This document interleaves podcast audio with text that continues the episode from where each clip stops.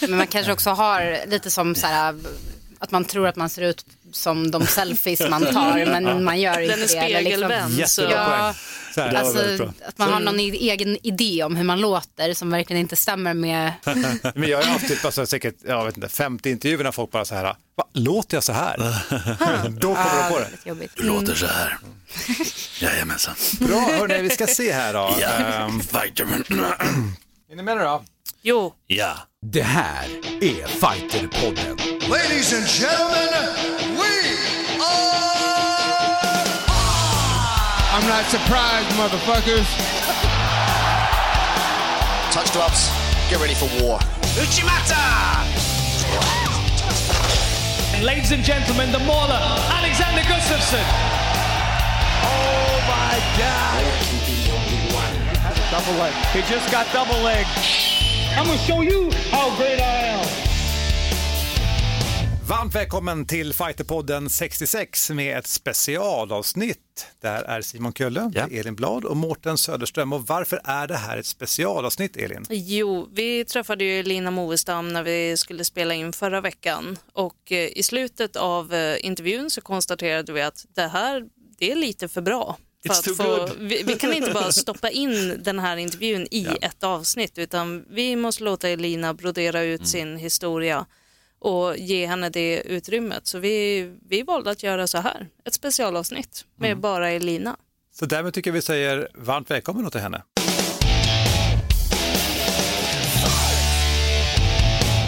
Hon är nyss hemkommen från Europeans. Hon har gått från brunt till svart bälte. Hon har tagit guld. Hon heter Elina Moestam. Välkommen till Fighterpodden! Shit. Jag kunde knappt hålla mig när du pratade. Jag ville bara... Simon höll på att spricka där borta. Ja, men faktiskt, det är så jäkla fett det du har gjort. Det är helt otroligt. Ja, men tack. Det... Ja, men det är Ja, det. alltså, hur, hur, hur känns det? För att jag tänker när du åkte dit ner så hade du såklart den målbilden. Ja, Och så blev det så. ja, det är lite speciellt det där när man eh, borde vinna någonting. Eh, alltså, jag, jag vann VM i samma klass i somras. Och, Just det. ja, men det blir ju liksom lite fel ordning kanske att liksom tävla på VM, vinna VM och sen åka till EM i samma klass. Liksom. Att, att det känns som att eh, jag har förväntningarna på mig själv att jag borde vinna igen. Eh, och jag inbillar mig att alla andra också tycker att jag borde vinna eller så. Men, och man vet att tjejerna som också är med i klassen, som också tävlade i samma klass som mig på VM, oavsett om jag mötte dem eller inte, de kommer ju vara supertaggade på De att vill ha mig. Liksom. Liksom. Ja, eller då, alltså, det blir ju en prestige i att om man vinner mot mig då har man ju typ tekniskt sett också vunnit VM. Liksom. Jag brukar tänka Just så det. i alla fall. den. eh, BJJ matte. Ja, det är den, men- den enda matten. Hur är det egentligen? Men, är Europeans EM, det är inte det egentligen va? Nej, det är ju öppet mästerskap och alla våra tävlingar är ju egentligen så. Så att man, man får ju vara med, alla får ju vara med liksom. Så att det är väldigt stor, jättemånga som kommer från Brasilien och från USA som är med på Precis. EM. Eller Så liksom. att det är liksom världseliten som är där ja. Ja, det är det ju. Vilka var dina största konkurrenter i klassen nu när du gick in i Europeans? Jag trodde ju att det skulle vara tjejen som jag mötte i finalen som skulle vara den tuffaste matchen. Eh, men första matchen som jag gick höll verkligen på att gå åt skogen eh, tidigt Oj. och hon var eh, jag hade aldrig mött henne förut, jag visste inte vem hon var, jag såg bara en väldigt lång tjej liksom som eh, hon gick en match innan, jag var lottad till semifinalen direkt men hon gick en match innan. Första som hände var att hon liksom hoppade över mig och, och, och drog ett armlås och jag fattade ingenting och jag tog mig ur. Och, ja, och så vände jag mig mot hennes fot och då plötsligt satt hon på min rygg och hon höll på att strypa mig från ryggen och jag bara... Vad är det här? ja men exakt så, jag, jag minns att jag tänkte så också, att det här var inte alls vad jag hade tänkt. Men var det Eh, hennes längdfördel som var en del i det här eller var det att hon hade en helt annan teknik liksom? Ja, alltså hon var ju lång men hon, hon hoppade högt och hon var, hon var ju verkligen beredd liksom. Hon, hon tänkte strypa mig. så Hon att kom jag... in med en tydlig gameplan där. Ja, och jag hade, eh, jag hade, min dräkt gick inte igenom i kontrollen och jag hade någon patch som var för nära min, eh, mitt eh, slag liksom så att eh, då skulle jag gå och de hade ingen sax och jag var tvungen att få bort den och så fick jag gå och hitta en skalpell som sjukvården hade och då skulle de hjälpa mig ta bort den. Men hade inte du kollat upp det här innan Jo, det är samma dräkt jag hade på VM. Men de, det är lite så att tävla i brasiliansk jiu att plötsligt så är det någon som står där och bestämmer att nej, men nu ska den vara en centimeter ifrån plötsligt. Liksom. Så att det är ganska mycket sånt. Ja. Men då i alla fall så ska de, råkade de skära sönder min eh, dräkt Åh, när de nej. tog bort en av de här lapparna så jag var tvungen att springa iväg och hämta en ny dräkt och allt det här var liksom ja, men två matcher innan min match. Så att man får liksom inte ens gå in och väga sig innan det är nära att ens match händer och då händer alla de här grejerna. Så att jag, jag var väl kanske inte lika pigg på bollen som hon var. Men eh, det löste sig i alla fall. Vad hände sen då? Hon satt på min rygg och ströp mig och jag ja, har väl blivit strypt förut liksom, men jag lyckades få tag på hennes arm och, och vända mig mot henne och när jag gjorde det så kom jag ganska snabbt i en bra position för att knälåsa henne tillbaka så att då, då bara slet jag hennes ben och så vann jag.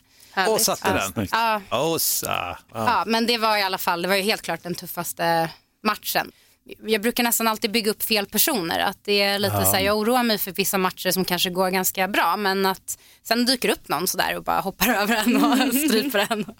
Men, men när du kom ur den, kom du ur den med så här, så säger man, andan i behåll? Bara, Vad var det här för någonting? Oj. Ja, jag höll mig nog ganska lugn faktiskt men jag var ju lite, alltså, lite sur också. Mm. För att, ja. Och det är intressant, bara tänker, tror du att hon hade studerat dig? ja, det tror jag. Men nu, nu hoppar vi direkt in Ja. liksom på Europeans. Jag vill backa bandet lite och säga så här, hur blev du så bra? Vad har du gjort? Berätta lite din story. Men jag, eh, jag började med brasiliansk jiu-jitsu för lite mer än sex år sedan. Eh, då hade jag tränat nästan ett år på en MMA-klubb. Eh, och jag har hållit på med yoga väldigt länge sedan jag var tonåring. Så att jag, det var väl det jag liksom var mest inne i innan jag hittade kampsport. Men då så, ja, det var ett tag jag jobbade i en bar vid Medborgarplatsen och så skulle jag åka hem med sista pendeltåget från Södra station och det liksom hände allt möjligt där. Så att jag började väl liksom känna lite att så här, men det skulle vara skönt att kunna kunna någonting för att försvara sig. Att jag kände mig ganska utsatt ofta. Liksom, att det var ändå varje kväll jag åkte hem där.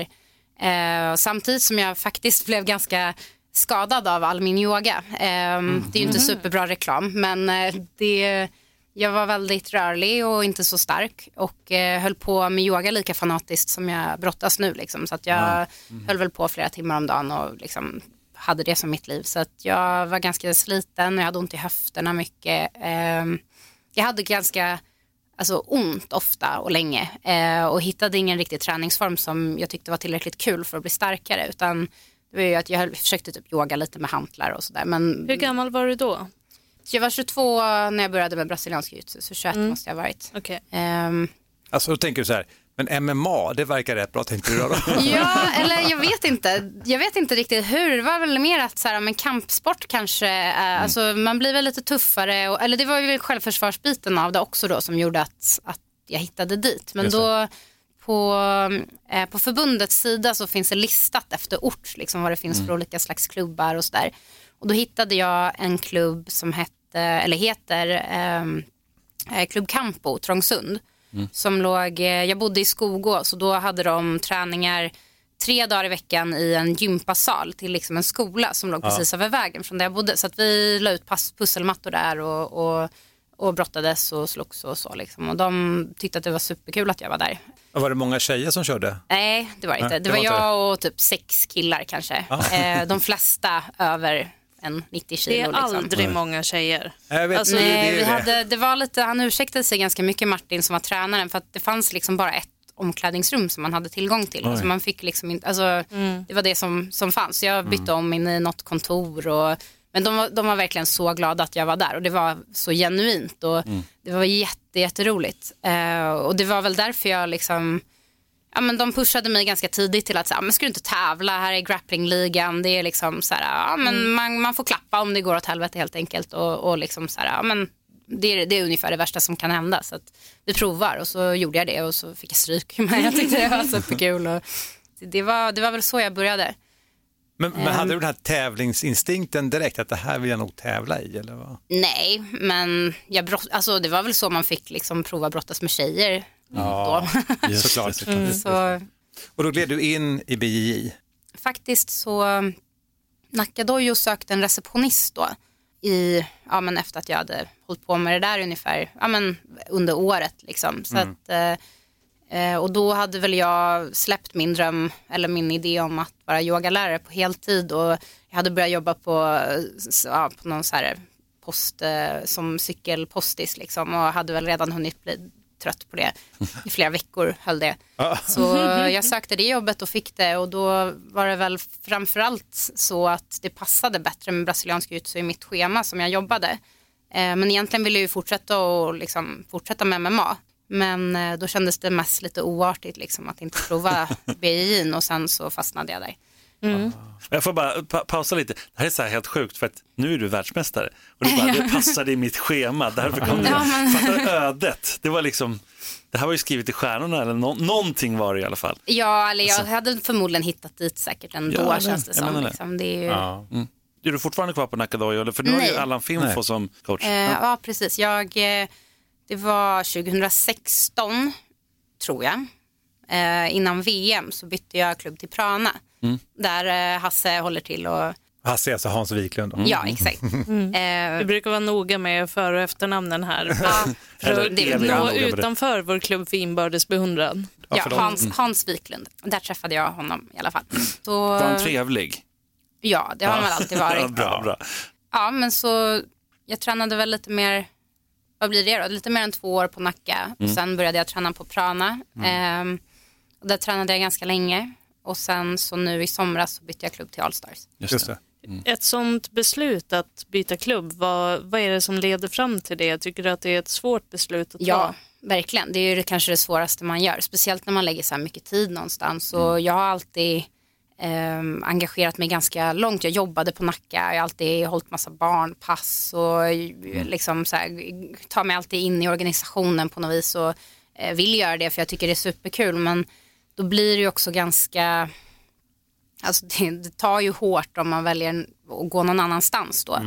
Ehm, och det har väl alltid varit, alltså det är de svåraste sakerna som jag har gjort i livet, helt klart. Och det är så mycket liksom som, som följer med ett sånt beslut som inte bara är, om man tänker liksom professionellt, vart tror jag att jag kommer utvecklas mest eller vart får jag det som jag tror att jag behöver, utan det är ju också, man har ju så många kompisar som är de liksom närmsta man har, för det är där man är hela tiden. Och, ehm, ja, men man brukar alltid få en väldigt liksom, speciell relation till sina tränare och man har varit igenom en massa saker tillsammans och så. Så det har alltid varit väldigt svårt och jag har alltid, jag har aldrig liksom bara bytt, nu låter det som att jag har tränat på 100 klubbar, det kanske jag har också, men jag har aldrig eh, oövervägt, bara här, spontant eh, hoppat till något annat. Utan eh, för mig så har det varit väldigt mycket att så, jag vill träna mycket eh, och jag vill tävla. Eh, så att jag ja, men har väl baserat vart jag tror att jag får bäst träning också mycket på det.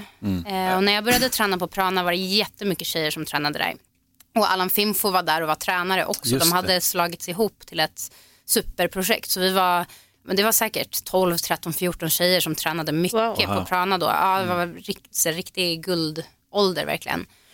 Och sen så, det var inför VM 2016 och efter VM så bröt eh, Allan och Kenta, eh, Kenta Hammarström då som har Prana och Allan Finfo som är tränare nu på Allstars. Så De bröt och Allan gick tillbaka till Allstars. Så då tog ju han med sig sina elever och det blev lite av en sån här, att vissa följde honom och andra stannade kvar. Klassiker. Ehm, och det är ju ja. ganska vanligt det där, det, är inget, så det händer ju faktiskt titt och tätt i Sverige hela tiden. Ja, hela tiden. Eh, men och, ganska mycket om man kollar på tjejerna i den här sporten så det flyter liksom runt lite grann. Och många av de tjejerna som börjar, de börjar väl kanske någonstans där det redan finns tjejer och att det är etablerat. Och sen så eh, ja, men flyttas det omkring lite och sånt där. Så det har ju alltid varit olika fram och tillbaka hur det ser ut. Men nu inför VM förra året så av olika anledningar så fanns det inte så mycket tjejer kvar på Prana. Det var två tjejer, två vitbälten som jag inte blev så ihopparad med så mycket i alla fall. Men jag gjorde all min träning inför VM med killarna på Prana och det gick ju jättebra. Men eh, ja, de fick ställa upp väldigt mycket på mig. Så både killarna som jag tränade med och också min tränare, de fick verkligen liksom lägga mycket tid på mig och se till att det blev bra träning och att jag inte gjorde illa mig och jag skulle hålla på att gå ner i vikt och träna mycket och sånt där samtidigt. Så att jag kände väl att det inte riktigt är en eh, långsiktig lösning och man börjar se liksom svartbältesklassen komma där fram någonstans och hur ska jag kunna bli så bra som möjligt för nästa nivå. Så att då ja, men kände jag väl också att det var att det var dags igen då helt enkelt att hitta någonstans. Kan jag säga till lyssnarna här, vad väger du? Vad tävlar du i? Vilken viktklass? Jag tävlar i 53,5 kilo. Och det är ju så att de flesta killarna på Prana är ju större. Ja, eh, ja, men de killarna som jag tränade med, de var ju också, de kände sig ju små liksom i, i, på klubben. Eh, Så att det var framförallt de som vägde ungefär 75 kilo kanske som jag tränade med. Så det var ju ändå 20 kilo mellan oss. Men de, jag tycker att det är väldigt stor skillnad också att träna med folk som vill tävla och med folk som faktiskt är väldigt liksom, tekniskt duktiga. För att det blir en annan, det är ju ingen av dem som tränade med mig på samma sätt som de tränar med varandra. Utan de, vi får ju hitta något byte där de får så bra träning som möjligt och jag får så bra träning som möjligt. Så att, och det är lite det som det blir när man tränar med folk som är bra. Att så här, men, man slösar inte några ronder på att bara försöka mosa varandra om det är liksom stor skillnad. Utan Ehm, De, ja, då fick de jobba på att vara så snabba som de kunde och de här killarna är jättesnabba och superduktiga så det var verkligen, jag fick väldigt bra träning. Men man kan väl också säga när det gäller klubbar i Sverige och just Prana har ju utmärkt sig framförallt sista åren. Det är ju en väldigt tävlingsinriktad klubb. Ja, liksom, där din fortfarande pojkvän väl, Ja. Max Lindblad som är jätteduktig och Eman Omran och Jamil och, och så vidare. Och så vidare. Så att, som har väldiga framgångar. Och det är klart att den miljön är väldigt elitinriktad. Ja. Så, här, så det har ju också påverkat väldigt mycket tror jag, dina tävlingsframgångar. I liksom att, här, ni förväntas nästan liksom bara vinna. Ja, eller inte kanske bara vinna men vi tränar ju så mycket menar också. det, Liksom, ja. Så det är ju inte, man har ju samlats på ett ställe ungefär. Eller det är ju inte längre bara ett ställe för jag tycker att på Allstars nu också så finns det verkligen en tävlingsgrupp som, som tränar lika mycket och som är lika dedikerad. Ehm, och det finns ju fler klubbar också som liksom verkligen tagit fram ett tävlingsspår och sporten växer ju och så. så att, men Prana har ju dragit till sig en massa folk som vill satsa på sporten och då är det inte särskilt konstigt att liksom framgångarna också kommer därifrån. Utan det är ju, man har ju valt att träna där för att man vill tävla och man vill ha den sparringen som finns där och man vill, liksom, man vill ha tuff träning och, och ja, bli bra på att tävla. Ehm, För, för, jag tänker bara, jag fastnar det här med Max också som också sagt är en jätteduktig utövare. Och Ja, tränare. alltså, hur har er, hur ska jag föreställa mig er relation? Med tanke på så mycket träning. Ja, men alltså, så mycket träning Ja, det är eh, sant, det är på klubben och sen efter så att säga, alltså, är det soffan liksom med olika fotlås och liksom grepp? Och så här? nej, inte så mycket fotlås. Ehm, De kör ju med gi, det, det blir inga fotlås då. Ja, vi det- är mycket det- fotlås faktiskt. Det är, Eller Ja. men jag, det är nog en av de grejerna jag är bra på. Ehm, men inte på max. Men vi, Han är förskonad. ja, nej, det går, bara går inte. men, eh, nej, men vi träffades ju där på klubben eh, och blev kära på klubben och ja, vi, vi har faktiskt årsdag idag. Vi har varit ihop i tre år idag. Wow. Grattis. Ja, tack så mycket. Men, eh, så det var väl liksom två och ett halvt år av att vi ändå tränade på samma klubb och det var liksom väldigt naturligt för redan innan så var vi där hela tiden ändå. Liksom. Så att det, ja, om man inte tränade så satt man typ ändå där och väntade på nästa träning.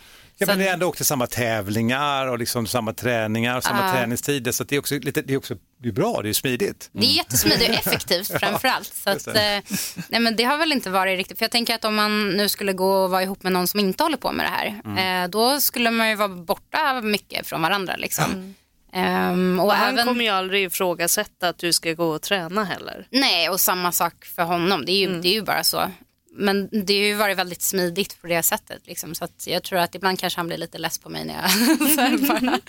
Eh, Men eh, vi spenderar mycket tid ihop och även nu när vi tränar på olika klubbar så tränar vi ändå samma tider och vi börjar träna eh, i somras så började vi en morgongrupp eh, tillsammans med Erik Friberg också från Prana.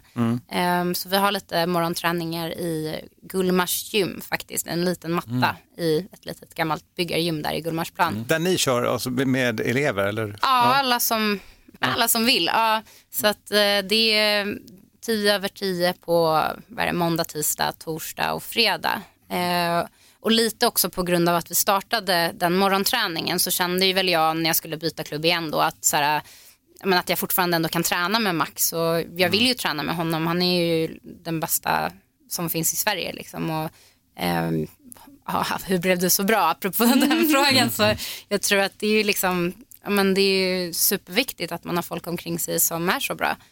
Ehm, Jo, men det är bara halva sanningen. För det, att hänga med bra folk brukar man ju säga, det gör att man blir bra själv. Alltså, du vet, vad är det, järn eh, du härdar järn eller vad säger man? Smittar av sig. Ja, precis. Men det är ändå bara halva sanningen. Det kommer ju från dig också någonstans såklart. Och på sex år nu, om jag fattade det rätt, sex år, så har du nu ett svart bälte. Och jag antar att, för jag menar, att få det av Allan också. Ja, han som är ganska sträng. Han är känd för att vara ganska hård. Liksom. Men då har du vunnit VM och Europeans, då är han nästan så här tvungen. Exakt. Men, eller hur? För, du, för, då, för det kan bli lite så här, för jag kommer ihåg i England för några år sedan med några brassar där som, jag vet, jag ska inte nämna några namn, men de stannade i brun, brunbältesklassen och berättade det ganska öppet till mig så här, men vi stannar här bara för att vi vill vinna. Mm. Vi vinner på stora tävlingar. Men jag vet inte, är det något krav, eller var det så här, hade du fått fortsätta i brunbälte? Jag hade fått fortsätta. Mm. Ehm, det är väl om man fortsätter i många år som Mm. eh, organisationen börjar höra av sig och säger att så här, men det här är inte helt... Vi pratade ju lite om det här innan när Ja. vi möttes upp, innan vi kom upp till studion. Just det här, för du berättade för mig om att det finns så mycket byråkrati inom BJ'n att du måste registrera ditt brunbälte och du måste vara det i en viss tid innan du kan bli svartbälte. och- så. Ja, precis. Alltså, att jag det som finns inte är ju minimumkrav. Okej, Så det är så. Mm. det är ju det som, så när jag började träna med Allan i somras så började han hota med det här svartbältet ganska tidigt. För det var han som sa till mig också innan VM att så här, men gör som mig bara, bara Vinn. vinn VM nu och så får du ditt svarta och så går vi vidare. Liksom. För han var ju bara brunbälte i typ fem månader eller någonting. Så att för att han vann VM så fick han ett svart. Men Okej. man måste inom IBJF som är den stora organisationen vi tävlar eh, för så måste man ha haft ett brunt bälte i ett år innan man kan få ett svart. Och då om man skulle få ett bälte tidigare så får man inte tävla på den nivån utan man måste ha varit registrerad ett år i brunt innan man kan få svart Okej. bälte. Så jag sa att jag ville tävla på EM eh, och Allan sa att nej men du behöver inte tävla på EM, du vann VM och jag bara, jo men jag vill tävla på EM. Och annars hade jag ändå inte fått tävla liksom, så det var ju lite så. Så jag kände ju eh, att det kanske var på gång men det var ju en väldigt kul överraskning att få det på EM sådär på pallen. Eh, Och, och tjejerna som är nu i din viktklass i svartbälte, har Mm. du koll på dem? Ja, alltså det är ju en hel del som hela bruse. tiden, ja, som man, man, man har väl som en slags eh, generation som man Mm. går tillsammans med lite grann och så är vissa snabbare och vissa långsammare eller ja.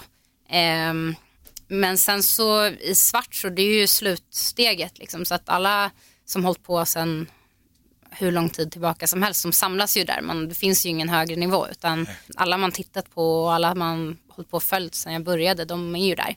Ja. Men åldersmässigt, hur, hur lång tid får, för du börjar röra dig mot 30 nu i alla fall. Ja. Men, eh, Man får, stanna, man får tävla i adultklassen hur länge man vill. Ja, det är så? Ja, Okej. så hur länge man vill. Men från och med att man fyller 30, eller det året man fyller 30, så kan man välja att tävla i Mm. Masters, ja. masterklassen som är 30 plus då. Men, eh, Men man får alltså egentligen, alltså Allan skulle kunna ställa upp i liksom vanliga, eller? Det, ja, han tävlade ju adult jättelänge. Ja. Eh, verkligen länge. Det är ju nu senaste åren som han har börjat Mm. tävla masterklass. Och vinner där också. Och vinner ja, av.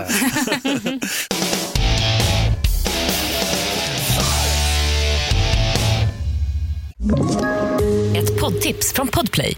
I podden Något Kaiko garanterar östgötarna Brutti och jag, Davva, dig en stor dos skratt. Där följer jag pladask för köttätandet igen. Man är lite som en jävla vampyr. Man har fått lite blodsmak och då måste man ha mer. Udda spaningar, fängslande anekdoter och en och annan arg rant. Jag måste ha mitt kaffe på morgonen för annars är jag ingen trevlig människa. Då är du ingen trevlig människa, punkt. Något Kaiko, hör du på Podplay. Därför är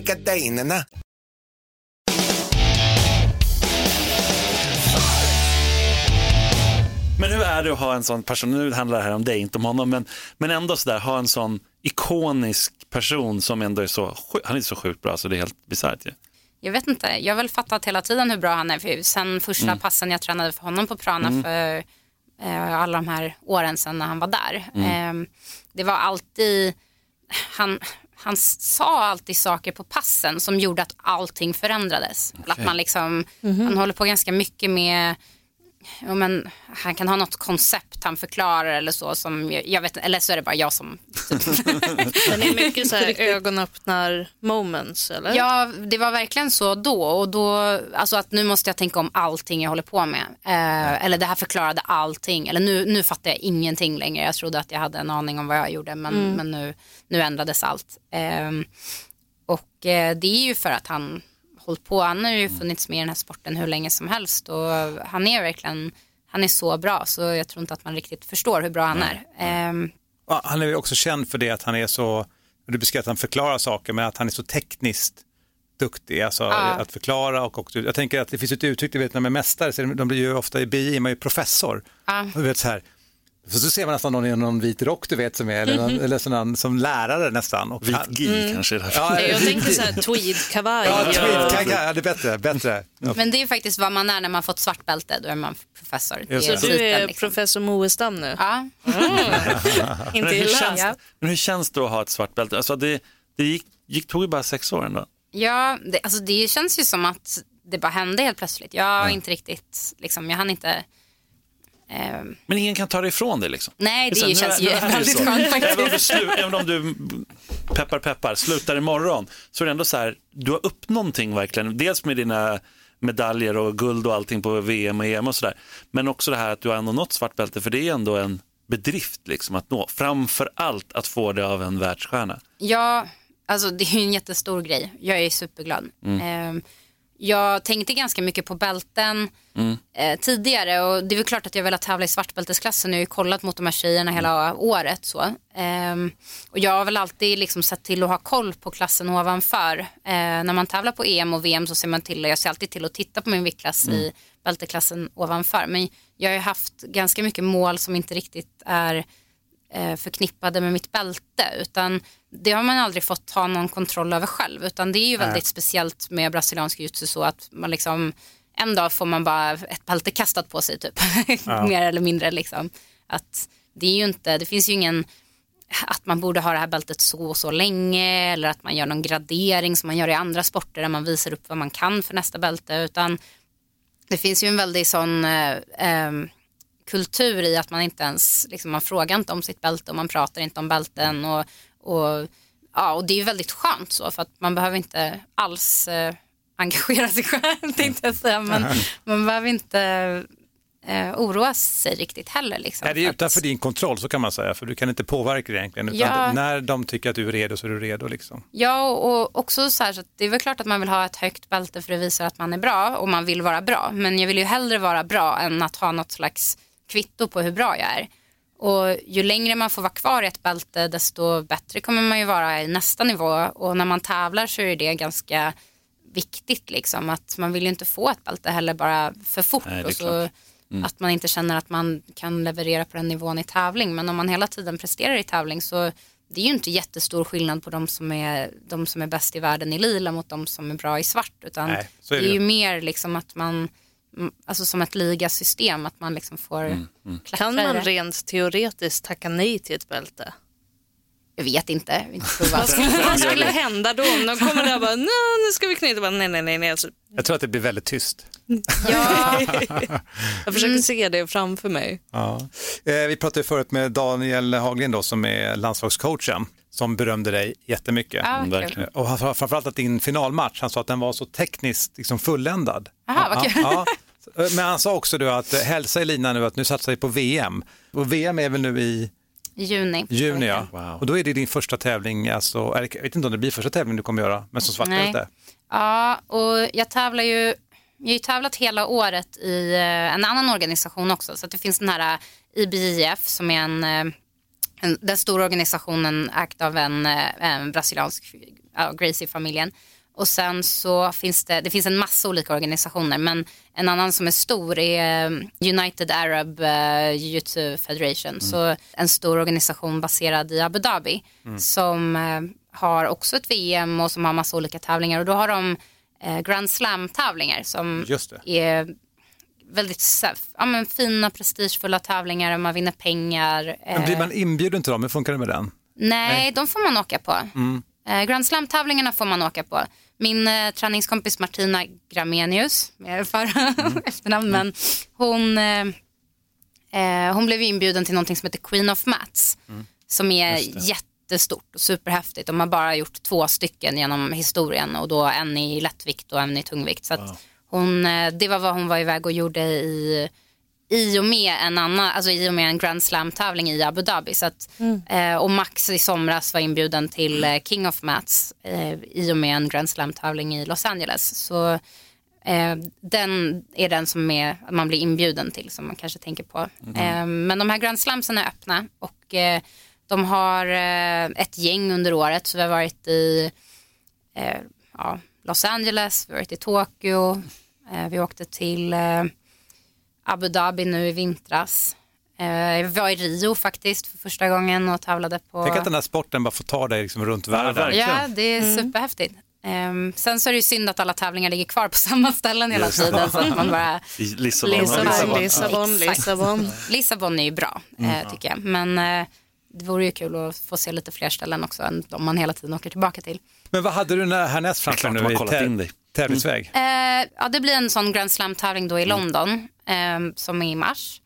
Och sen så har jag precis bokat en eh, resa till Los Angeles till eh, Pan Am. Så där. Den har jag aldrig tävlat på den just det, tävlingen just det. men eh, det kommer bli väldigt kul.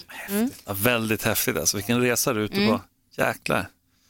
Det är starkt. Men sen blev du också prisad på, var det Idrottsgalan eller eller hur? Du fick ett stipendium i alla fall? Det Ja, eh, jag fick eh, elitidrottsstipendiet. Precis. Då fick Mm. jag väl det i, om det var september eller oktober eh, egentligen. Men det delades ut på Idrottsgalan. så du visste att du redan skulle få Ja. det. Så- Men det, var ju, det sjuka var ju att alla de här tre grejerna då, vinna Europeans, få svart bälte och sen det där stipendiet, det kom ganska nära inpå, eller hur? Varandra? Ja, så att Idrottsgalan var ju måndagen eh, och jag hade tävlat på EM på lördagen. Så vi var ju tvungna, det var ju jätteskönt att... Bara skynda hem. Exakt, så vi hade bokat biljett så att man skulle hinna tillbaka till Idrottsgalan. Men alltså vilken grej, när kunde du somna sen på måndagen? Alltså, Jag åkte faktiskt hem lite tidigt för att jag skulle Mm. ha ett seminarium på skolan. jag, går, eh, jag fick ju det stipendiet för att jag pluggar på universitet Mm. och då hade vi ett seminarium på skolan eh, tisdag morgon som jag då inte kunde missa för att jag redan hade missat så mycket i och med Okej, att jag åkte iväg på EM och, och så. Så att eh, jag fick, fick gå hem lite tidigt för att sova några timmar så att jag Vad är kunde, det du pluggar? till lärare. Förskoleklass till trean. Okej, nice. Oj, hur långt har du pluggat? Hur långt? Jag är på fjärde terminen nu. Oj. nice. Hur, hur många terminer är det? Åtta. Åtta. Spännande, parallellt då Mm. med det här. Men har du samtidigt tänkt att du kanske kan leva på BI? Alltså, det är väl en dröm. Ja. Hur går det med till exempel med sponsorer och sådär? Hur, hur funkar det för dig? Alltså, sponsorer, jag har aldrig varit särskilt bra på att söka sponsorer. Jag tycker att det känns, eh, ja, men det känns alltid väldigt, eh, det blir lite speciellt när jag som egen person ska be andra hjälpa mig på olika sätt liksom, för att gå och tävla. Jag har jobbat deltid ganska mycket för att ha råd att åka iväg på alla tävlingar och alla anmälningsavgifter och sånt där. Men jag har en, en bra sponsor för GIS och jag får hjälp med ja, men lite små saker här och var. Ehm, men eh, det är ju, och landslaget hjälper till lite också med just det. EM och VM så man får, får hjälp med, med de kostnaderna. Men... Men Du tackar inte nej om du skulle få en huvudsponsor nu som kommer nej, absolut Jag inte. kan, sälja, Jag- jag, kan sälja, jag kan sälja in dig här nu istället. Slipper du göra det själv. Perfekt. Du har vunnit VM, du har vunnit Europeans, du bara vinner och vinner, svart bälte under världens bästa tränare. Du är helt fantastisk, du har en härlig personlighet. Jag menar, hör av er och kan man, hittar man inte dig så hör av er till oss och så skickar vi det vidare till dig. För jag vet att det är många företagare och andra som, som lyssnar på det här. Och nu har du ju Så att, skurit eh, bort en är patch från dräkten också så nu finns det plats för Exakt, det finns plats på min trasiga tävlingsdräkt. Nej, men det där du pratar om nu, det här är utmaningen att vara en bra utövare men att också försöka sälja Det är sig själv. skitsvårt, Alltså, det det, är är klart. det är därför det finns som sagt managers och annat som Bara sköter det peka här. inte på mig, jag är ingen manager. Men... Nej, jag, jag, Det lät som en job application där förut. Okej. Nej, det är ingen jobb application, det har nog att göra. Men däremot så, nej men jag tycker bara så här, jag bara skulle önska att, så här, att du bara kan leva på det här hela livet och alltså, att vi har så fantastiskt bra kampsporter i Sverige som man bara Ja, skulle vilja... nu en tid tills du inte vill göra länge. Men det är klart att du är smart som också skaffar en utbildning parallellt. Ja, och det är ju lite, innan jag började plugga så jobbade jag, eh, jag jobbar mycket i skola och jag vet att jag vill bli lärare och det är väldigt, eh, jag vet att det är vad jag vill, vad jag vill göra. Eh, och jag tycker också att det är ganska skönt att göra någonting som kanske inte är så här direkt förknippat med den här, alltså man lägger så mycket tid på den här sporten ändå. Så det är ganska skönt att behöva ha på sig jeans och träffa människor som inte har någon aning om vad det här är som Men jag det- håller på med. Och, Det är ju väldigt smart, alltså inte för att vara en downer, liksom, men för så många som är elitidrottare och är på den nivån, den dagen det tar slut så är det ju jättemånga som går in i depressioner och alkoholism och spelberoende och vet inte vad de ska göra av sina liv. Så att då har bara, ja men jag brinner för det här också. ja, Det är inte så jäkla dumt. Nej men jag, jag har väl lite så här, men man har väl några årliga identitetskriser när man håller på med någonting väldigt mycket och liksom, gillar jag ens det här eller vad håller jag på med och eh, vad ska det bli av det och tycker jag ens att det är roligt. Oftast så har det Eh, jag tänker sådana tankar när jag inte kan träna. Eh, Om jag är sjuk eller jag är lite skadad eller någonting sånt. För jag brukar aldrig glömma bort om jag tycker om det eller inte när jag, när jag får träna. Men, ehm, så det, det är ju lite, jag tror att man måste ha lite balans också. Att man hela tiden återknyter med varför man gör vad man gör. Och det gäller väl allting egentligen. Men ehm, jag är glad att jag pluggar i alla fall. Och det passar väldigt bra också med träningen. Speciellt lärarlinjen är ju beroende på vilken kurs man läser så är det ganska lite tid i skolan och jag kan lägga upp min läsning på de tider som jag kan. Så att jag kan ju sitta och läsa hela helgerna och träna alla morgonpass i veckan, vissa kurser om jag vill. Ehm, ja, och jag är nog ganska bra på att läsa också så att det tar inte så himla mycket tid för mig. Och eftersom att jag kanske inte siktar på att eh, forska i det här ämnet så behöver inte jag få A i alla kurser heller. Utan Nej, min huvudsyssla som jag gör är ändå sporten. Men jag ser till att jag hänger med i skolan och att jag blir, jag vill ju bli en bra lärare såklart. Så att jag tar ju allt jag kan. Men det är också ganska skönt att ha den prioriteringen. Ehm, Men nu, du, nu är du, du är så otroligt bra på BI och du pluggar dessutom också, har ett liv förstås också. Vad, eh, utanför det där. Men vad, eh, kan, har du någon annan hobby eller någonting så här, eller eh, hinner man inte det liksom? Nej, det har jag väl inte. Alltså, det finns ju inte så mycket tid. Jag har Nej. flera kompisar ehm, från innan jag började med den här sporten som jag kanske träffar två gånger om året eller någonting så. Det, det finns ju liksom ingen riktig tid utan det som man gör är ju väldigt ihopkopplat med sporten.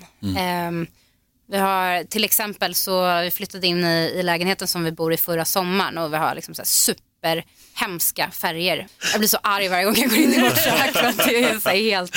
Men det finns ingen tid. Liksom. Det finns ingen... Jag skulle ju supergärna måla om min lägenhet men det, jag, jag vet inte vart någonstans jag skulle få för mig att få den tiden. Eh, så att, ah, den är inte superhemsk utan det är bara att ja, nu har jag varit förkyld och hemma och bara stirrat på den här väggen. Och, ehm, En dag. Får jag fråga, eftersom du är så på elitnivå, hur äter du och dricker du alkohol och så vidare? Nej, väldigt sällan. Mina föräldrar är väldigt bra på vin så att ibland eh, när man är hemma hos dem så får man väl liksom smaka lite vin men det är ju lite så här pärlor försvinn grej. Eh, och jag, ja men det är ju alltid så om man ska upp och träna morgonen efter att det finns liksom ingenting som är värt riktigt att man ska vara hängig eller liksom må, inte må bra på dagen efter utan väldigt sällan alkohol.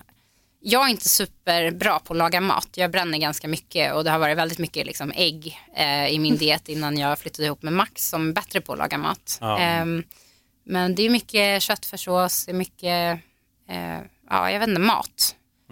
Och Jag tycker ju mycket om choklad och glass och sådär så att till och från så beroende på vad man måste väga och när så äter jag mycket glass och choklad. Nice. Rör du dig mycket i vikt, alltså när du ska på tävla? Hur mycket behöver du banta då? Men kanske lite mer än vad jag borde. Ehm, men min tävlingsvikt är liksom inte så låg mot vad jag brukar, eller vad jag ska väga. Ehm, men sen så kanske jag går upp lite mer än vad jag borde emellan. Ja, Men de första åren som jag tävlade så försökte jag att inte ens bry mig om vad jag vägde utan jag bara anmälde mig i den viktklassen som var över där jag låg. För att alltså, det är tillräckligt svårt och jobbigt att tävla i alla fall. Och ska jag gå upp på morgonen och inte dricka kaffe och inte liksom, ha mina rutiner som, som jag ska så, så bara la det på en extra stress som kändes så onödig. Och jag tycker också att när man börjar med någon sån här sport så det är ju ändå vad är det, sex kilo mellan viktklasserna för tjejer och de kilorna kommer inte vara det som riktigt avgör en match utan det kommer ju handla om vem som får göra sina tekniker, vem som har tränat lite längre, vem som är lite tuffare. Eh, medans nu kanske på svartbältesnivå eller kanske ja, men lite tidigare men att det är ju när man har hållit på så här länge som de där kilorna blir avgörande. Jag såg det sist nu, det var ju på Swedish Open där i Stenungsund. Du körde väl också öppen med tjejerna? Nej, men jag tävlade i 69 kilosklassen. Oj. Just det. Ehm, Jag minns det, nu, ja. jag måste tänka tillbaka för jag kommenterade den matchen kommer jag ihåg. Liksom. Mm. Det, och där är det här, apropå det här med jujutsu, alltså storleken.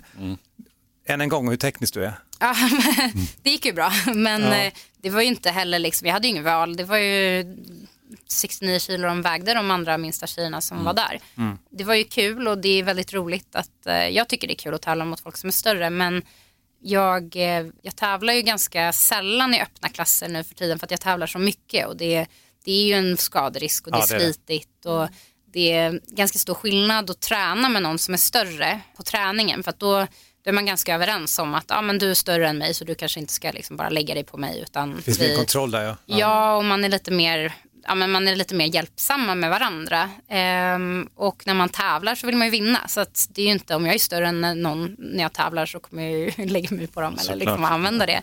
Så det är ju, ja men och jag, jag är lite för liten för att det liksom för att kunna bjuda på en ordentlig match när någon är ordentligt stor. Ehm, så tidigare tävlade jag väldigt mycket i öppna klasser och jag tycker, det, jag tycker det är superkul.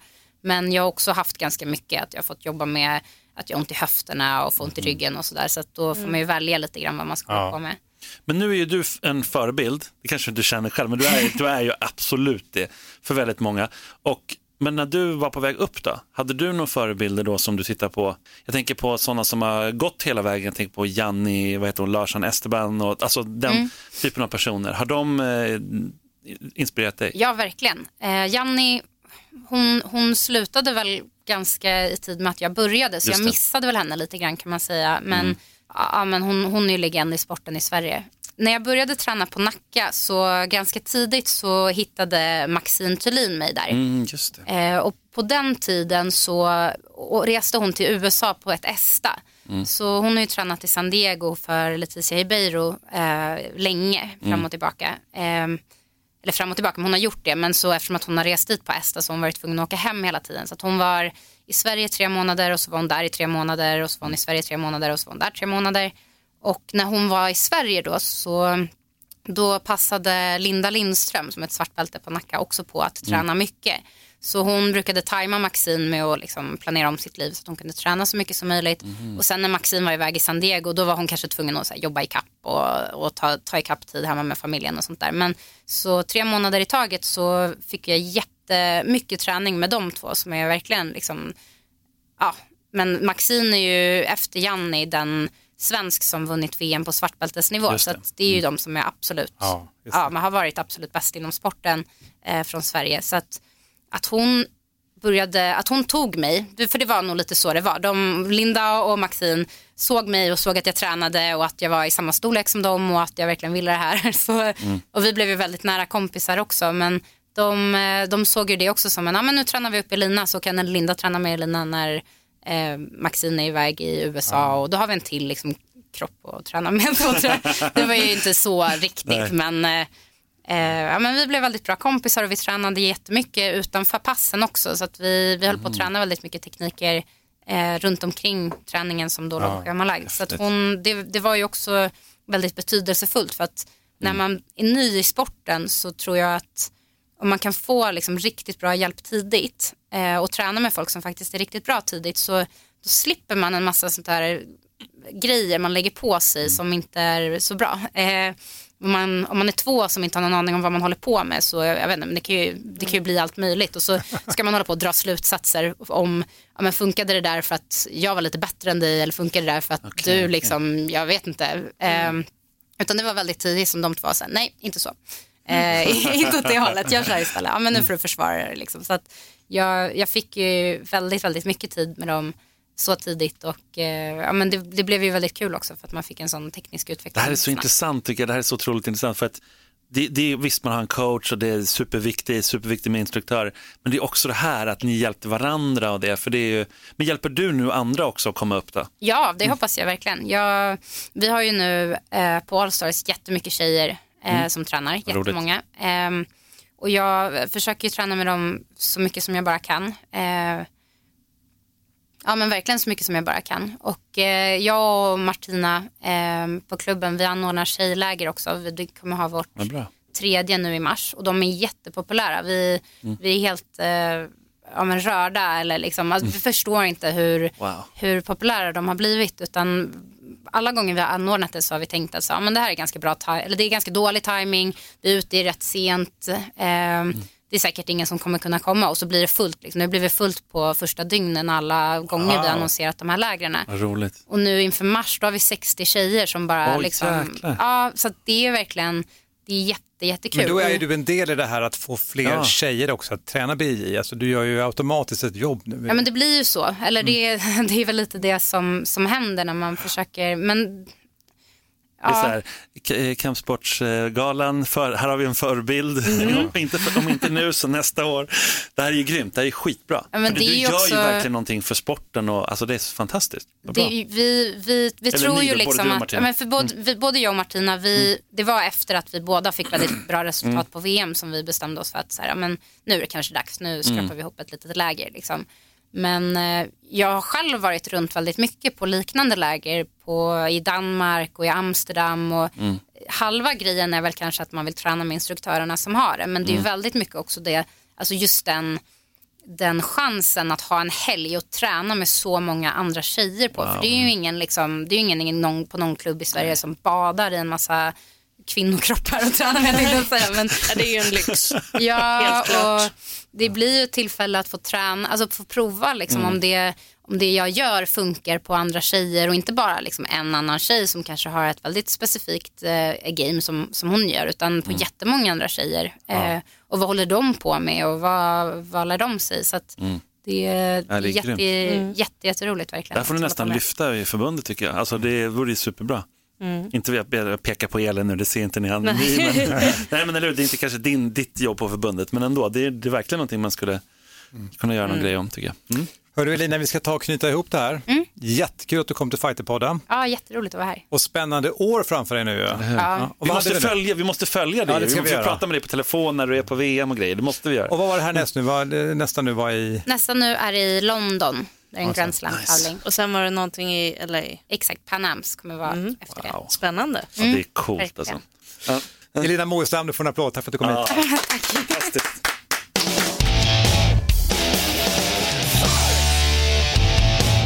Så spännande att se hur det går för Elina som svartbälte nu va? Verkligen. Wow, wow.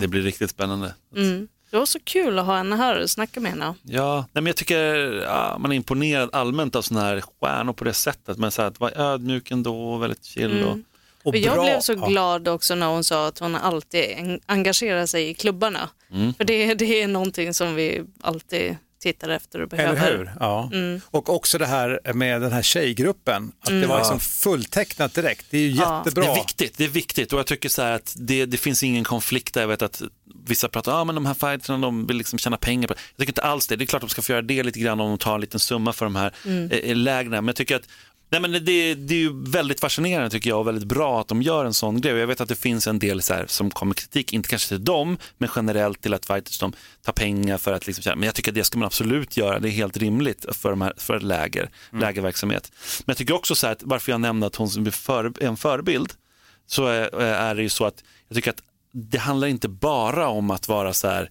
jag har gjort jättemycket projekt som är superviktiga i kanske en förort eller vart det nu än är någonstans. Utan det här de gör är sjukt viktigt. Mm, det är det.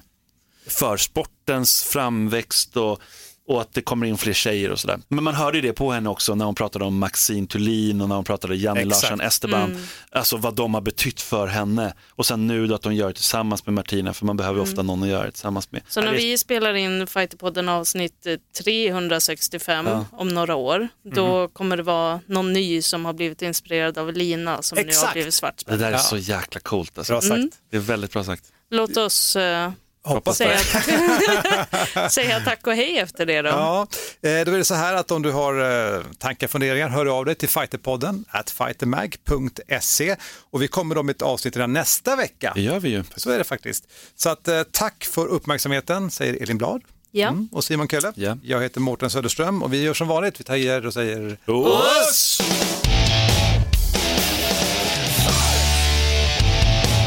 Fighterpodden produceras av Suba Media för Radio Play.